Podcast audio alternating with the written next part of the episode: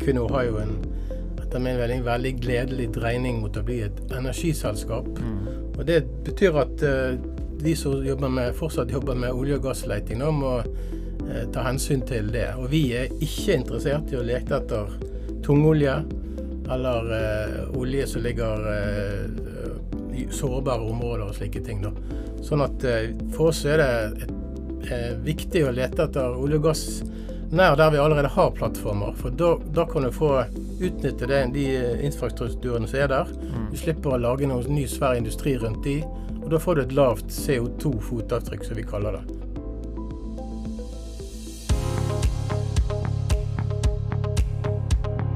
Hei og velkommen til Geologisk rapport. Dette er podkasten for deg som er litt nysgjerrig på geologi, og som vil lære litt mer om geologiens rolle i samfunnet vårt. Jeg heter Andreas Viken, og jeg er geolog. Og I hver episode så skal jeg snakke med en annen geoviter om et geofaglig tema, samtidig som du skal få bli bedre kjent med personen jeg snakker med. Og ukens gjest, det er Tom Dreyer.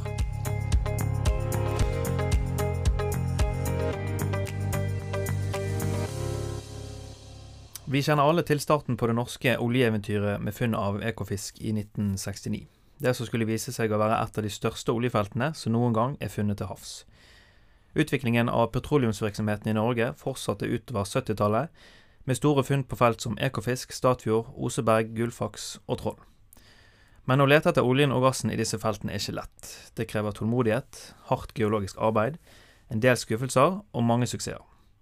Og en som har jobbet mye med dette og lagt ned en enorm innsats gjennom flere år i å identifisere og finne disse olje- og gassressursene, det er mangeårig letesjef og petroleumsgeolog Tom Dreyer. Velkommen.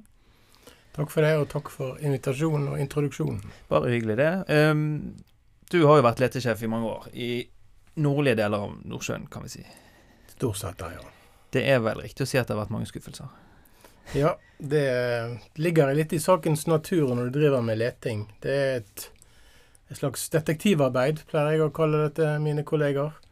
Der eh, vi har en moderat eh, oppklaringsprosent. Og det er Grunnen til det er at eh, det er så veldig mange ukjente faktorer når vi skal prøve å treffe noe der to, tre, fire, fem kilometer under oss når vi borer. Ja. Sånn at det når vi borer det, så er det som oftest et sted mellom 15 og 40 sjanse for å gjøre et funn.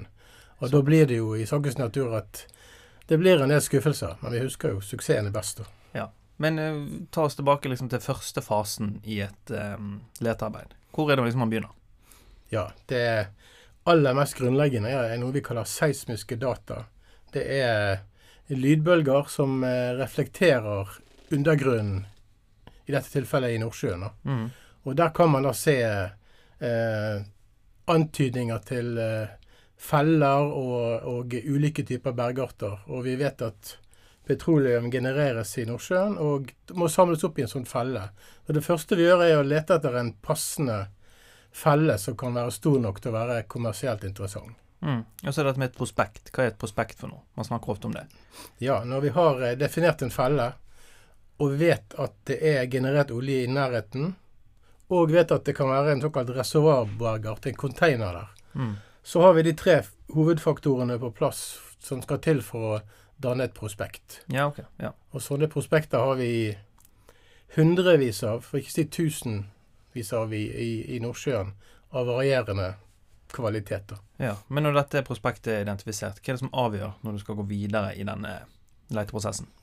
Det er mange ting, men det aller viktigste er kanskje de økonomiske forutsetningene bak det. da. Mm. Hvis du er langt, langt fra folk og, og eh, fra plattformene våre, så koster det veldig mye å få lønnsomhet i funnet. Ja. Og det andre viktige faktoren er selvfølgelig det vi tror kan være størrelsen på det. da. Ja. Altså størrelsen på den konteineren som inneholder olje og eller gass. Så de to tingene der er det første vi kikker etter. Hvor stort er det, og hvor langt er det fra eh, nær infrastruktur, som vi kaller det. Ja, og, da tar du og gjør en leteboring når du da har kartlagt dette her, da. Ja. Hvordan foregår den første leteboringen? Ja, vi rangerer jo eh, internt i selskapene hva som er de beste tingene å bore på. Og Mm. når vi har bestemt at vi skal eh, teste et sånt prospekt med en brønn, da, så er det jo sånn at vi må eh, sørge for at eh, boringen foregår trygt som mulig. Det er det aller første vi gjør. Safety er det viktigste. For, for, eh, både for å få til mulig utslipp og for folkene på plattformen. Så vi gjør en god del undersøkelser på å sørge for at det ikke er grunn gass som vi får utblåsning på, eller at det er for høyt trykk til at vi skal bore der at det er farlig. da. Mm. Så det første vi gjør, er, er grunnundersøkelser rundt der vi skal plassere plattformen. Ja. Og så begynner vi å planlegge brønnen steg for steg nedover til la oss si 4000 meter. Ja. Og hva informasjon i brønnen er det som indikerer at det er funn på gang, da? Ja, det er jo den mest spennende fasen av alle. da. Vi sitter da elektrisk skjelvende foran PC-skjermene våre og ser på dataene som kommer live inn, på mobiltelefonen til og med, ja. eh, fra borehullet. Oi. Det har skjedd de siste ti årene at de kan gjøre det. Stilig. Så da blir det ofte litt nattevåken. Og Mye det kaffe og det vi ser etter der, det er indikasjoner på at uh, det er noe annet enn vann til stede i porerommene i det, der vi borer inn. Og det kan vi se med at uh, motstanden i bergarten øker. Ja. Altså Olje og gass har større motstand enn vann. Vann leder jo lett elektrisitet. Det gjør ikke olje og gass. Nei. Så da har vi noen målesonder nede i hullet som måler denne motstanden. ja. Og det, den slår ut en viss vei, så vet vi at her er det noe på gang. Men så, så dette får du opp på telefonen din, altså? På nettbrett? Og, Telefonen, jeg, jeg, så du får et visuelt bilde av, av Ja. hele greia? Vi får en, en god del informasjon direkte inn på nettbrett og telefon og PC som, eh, som gir oss øyeblikkelig informasjon. Ja. Og når vi tror vi har et funn på gang, så eh, sier jeg til eh, de som borer der ute, at nå stopper dere. Eh, vi tar en kjerneprøve. Da skifter vi ut hele utstyret i brønnen, kjører ned kjerneprøver så vi kan ta dimensjoner på eh, ofte en eh, 20 cm bredde av selve undergrunnen i Nordsjøen. Vi heiser rett og slett opp i en stor, stor eh, hul container. Ja. Veldig interessante data å få opp. Men eh, så er det jo dette med, som jeg har lest, med, lest på, om um, dette trykkbalansering i, i brønnen. Hvorfor er dette viktig? Jo, det er jo en av de aller viktigste sånn, sikkerhetsfaktorene. da.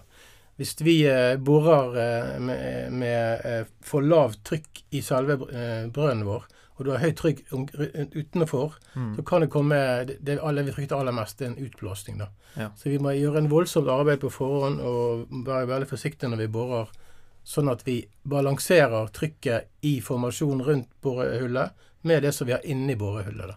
Mm. Treffer vi på det, så eh, har vi en, en sikker operasjon på gang.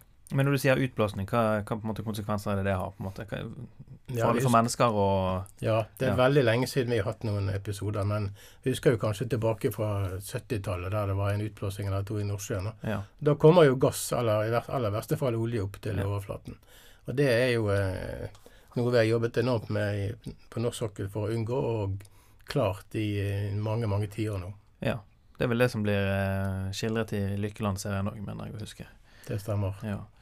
Um, men sånne leitebrønner, hvor mange har dere boret i ditt eh, ansvarsområde i eh, nordlige Nordsjøen? Og hvilke Eller hvor mange er det som har gitt kommersielle funn? Ja, De siste årene, eh, la oss si etter 2018, hvor vi steppet opp eh, innsatsen virkelig, så har vi vel boret et sted mellom 15 og 20 brønner. Mm. Og de har eh, ca. halvparten resultert i eh, det vi kaller kommersielle funn. Altså en drivverdige forekomster av olje eller gass. Ja. Men, men hva, er det, hva er det som avgjør om et felt inneholder petroleum som lar seg utvinne? Ja. Det, det, det egenskapene til eh, det du treffer på der nede, må Mm. være sånn at det ikke er helt, helt totalt eh, tett og sementert, som vi kaller det. Ja. Du kan sammenligne Hvis du, hvis du tar på en sementert vegg, det får jo ingenting ut av den. eh, Det er helt tett der. Men hvis du har en porøs, fin sand som det du finner på strendene i dag, Ja. bevart nede i eh, undergrunnen, så er det lett å få ut olje eller gass fra den eh, med gode egenskaper. ja. Og så må vi jo selvfølgelig, som vi var inne på i sted, ha nok troen på at det er nok eh, volumer der nede til at det kan være drivverdig funn. Det kan ikke bare være en, en meter eller to med olje. Det må gjerne være en 20-30-40 meter med kontinuerlige oljelag nedover, eller gasslag, for at det skal være drivverdig. ja. Men sånne avgrensningsbrønner, da. Det er jo Ja. med på å si hvor stort feltet er. Hvor mye Hvordan gjøres dette? Ja, hvis det funnes ut å være stort, strekker seg over la oss si 10-12 kvadratkilometer, så trenger vi flere brønner enn én for å si hvor stort funnet er. Og da, da må vi til med en såkalt avgrensningskampanje. da. Mm. F.eks. det store Johan Sverdrup-funnet som ble gjort i 2011, hadde opp mot 17 avgrensingsbrønner eh, før Ja. du besluttet hvordan du skulle faktisk utvikle det. Ja. Og hvor lang tid tar det da fra du har funnet et felt til det går i produksjon?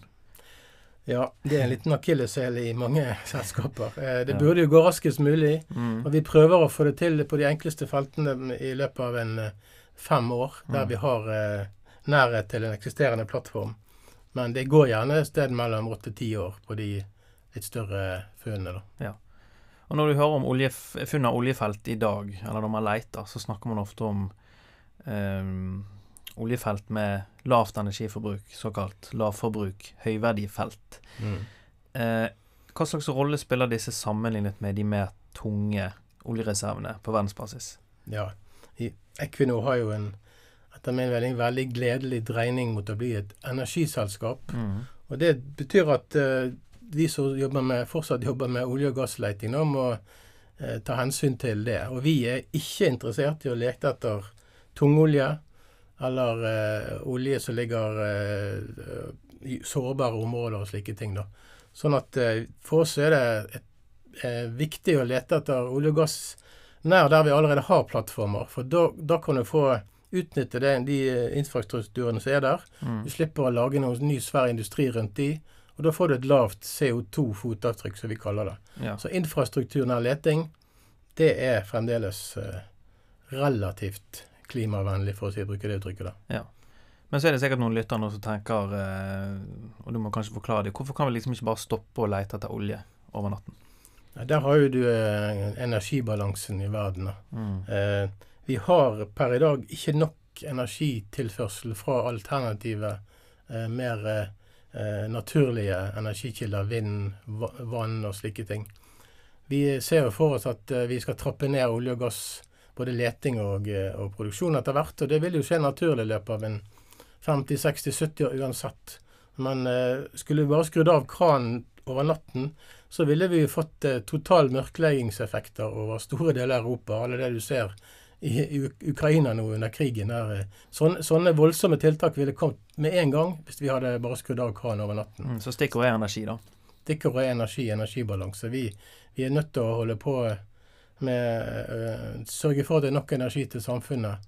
Eh, ellers så eh, går ting i svart Ja. på kort sikt.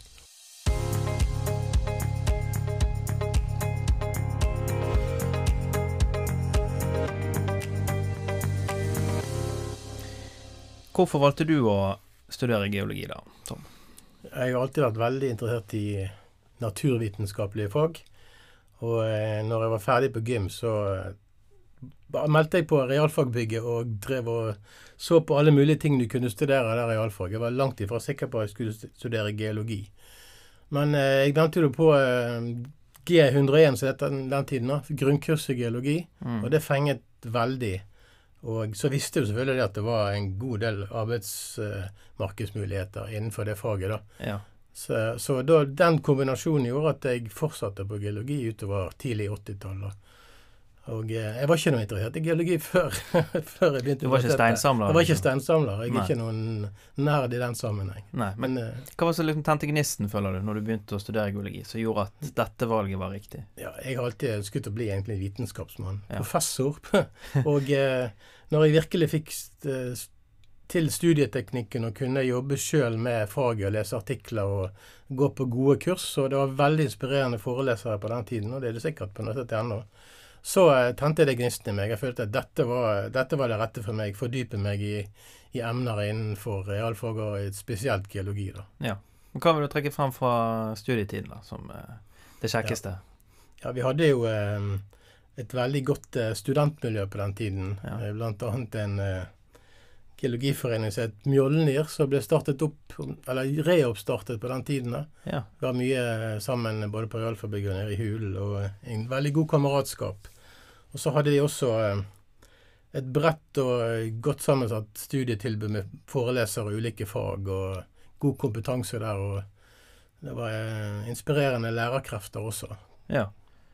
Og så velger jo du sedimentologi, da, som en sånn spesialisering. Var det på en måte den veien man gikk på den tiden, med tanke på jobb i oljeindustrien? det var flere veier frem til det målet, men Ja. eh, en av de vanligste var nok å ta seismologi, som da er studie av de reservoarbergartene som f.eks. finnes i Nordsjøen. Mm. Så eh, for meg så var det Så ikke er så glad i matte og sånn, fysikk og sånn, Nei. så var det eh, mer naturlig å tenke på de mer sånn prosessene i naturen som skaper eh, eh, hvordan sandsteiner og slike ting er avsatt. De reservoarene vi har i Nordsjøen. Mm. Og eh, det kan, du- det kan du se i dagens landskap også. Så det var, Ja. det var en, en god kombinasjon for min del å kombinere gå på tur i fjellet og tenke sedimentologi. Og så gikk jo du på en måte rett i jobb i Statoil, da. Doktorgraden tar jo du litt seinere. Stemmer ikke Ja, det? jeg begynte i 1985 i, i Statoil i Stavanger, faktisk. Ja. Eh, det var ikke en fast jobb. Eh, det var en, en jobb som var en prosjektbasert, for jeg skulle egentlig studere Ta doktorgraden i Bergen under en professor som het John Collinson. da. Mm. Men eh, så kom det jo inn et tilbud fra Norsk Hydro Forskningssenter i Bergen da, på en scientologijobb mens jeg holdt på med den eh, jobben i Stadfjorddivisjonen i Stavanger. Og der jobbet jo bl.a. flere tidligere kollegaer, bl.a. William Helland Hansen, Mm. kompis av meg. Ja. Så han sa gode ting om det, den, det forskningsmiljøet der i, i Bergen, og jeg slo til på den jobben. da. Ja. Så da ble det tilbake igjen til gamlebyen ganske kjapt. Ja. Og så først i 95 da tar du en doktorgrad i kvantifisering av geologiske parametere som brukes til eh, bygging av reservoarmodeller for undergrunnen i Nordsjøen. Så det var veldig feltarbeidbasert. Det var det. Hvordan, eh, kan ikke du fortelle litt om det? Jo, eh, siden jeg jobbet på et forskningssenter, da, så ga eh, Norsk Hydro, så var min arbeidsgiver, meg stor frihet til å, til å jobbe med faget og publisere paper og sånt. da. Så jeg fant ut jeg skulle ta denne doktor graden og da ville jeg tatt meg som mål å skrive ti papers innen semitologi som skulle da aksepteres i internasjonale journaler. Og det som var temaet da, det, det var at skulle prøve å sette tall på ting innenfor geologi. Ja. Scientologi. Det var ikke gjort noe særlig før. Det var stort sett kvalitative beskrivelser. Min jobb var da å prøve å finne størrelser på ting. Ja. Hvor, hvor tjukk er en eh, kanalsandkropp? Hvor tjukk er den og den type eh, grunnmarine sander? De ulike deler av sentologien. Hvor utstrakt er de? Mm. Hvordan ser mosaikken i undergrunnen ut i form av tallmessige ting? Mm. Så det var den, det vi kalte for kvantitativ sedimentologi Ja. som er veldig brukt, mye brukt når vi lager reservoarmodeller i Nordsjøen. Der vi må sitte opp nøyaktig hvor, hvor store de ulike bygningsblokkene i et reservoar er. Ja. For å kunne simulere hvor mye olje vi skal få ut av dem. ja.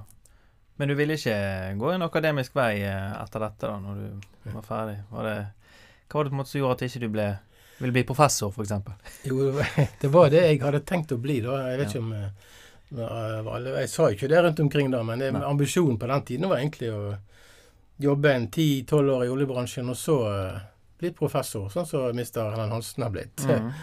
Men eh, så kom jeg da over det, det fagfeltet som vi kaller for leting. da. Eh, ble dratt litt inn i det rundt år 2000. Og eh, fikk sansen for den eh, mer sånn detektivarbeid-måten å jobbe på.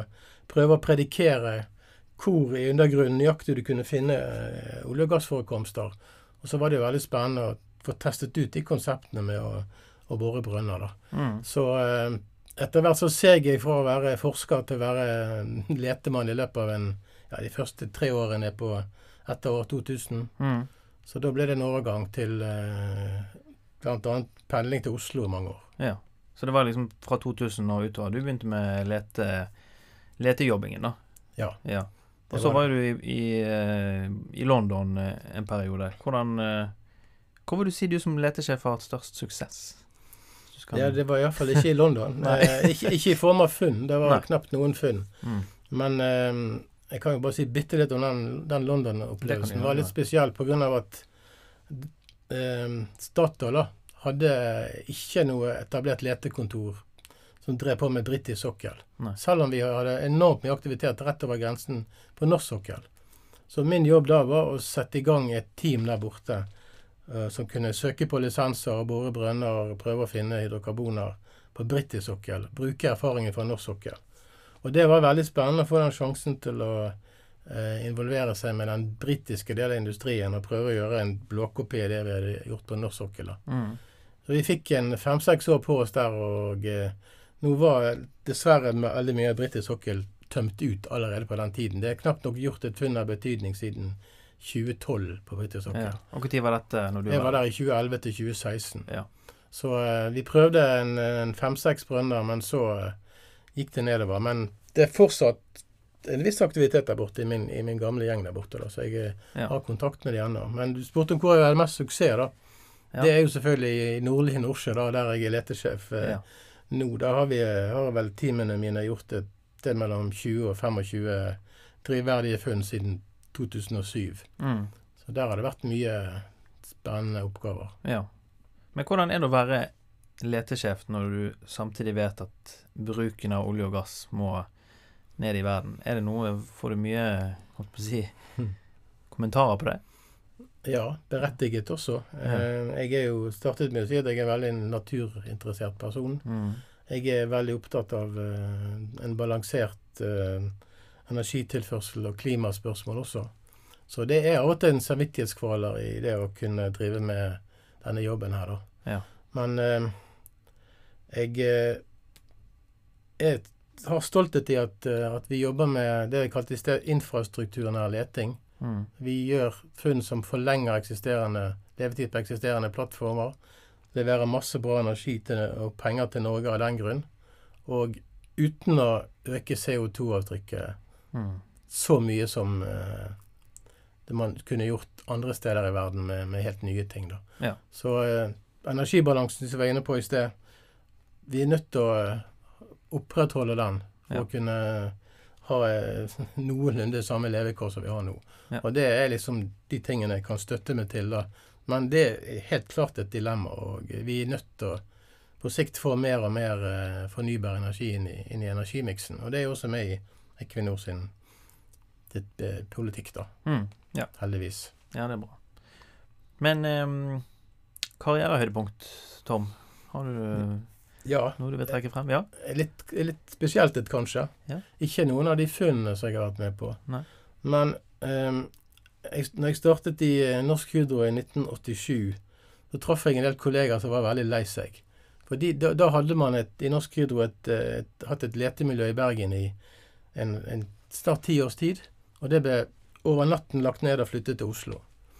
Så jeg fikk sjansen eh, rundt 2005 å bygge opp igjen det letemiljøet i Bergen. da.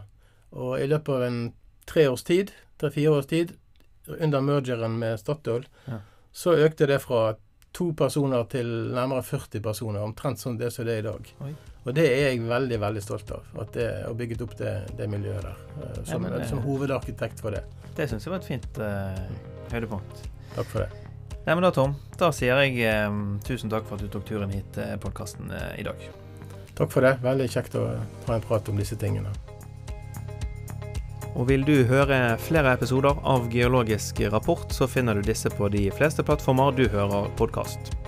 Følg gjerne Geologisk rapport på Instagram, og har du spørsmål eller forslag til tema eller gjester, så kan du sende meg en melding der, eller på andreas.viken.alfakrølluib.no.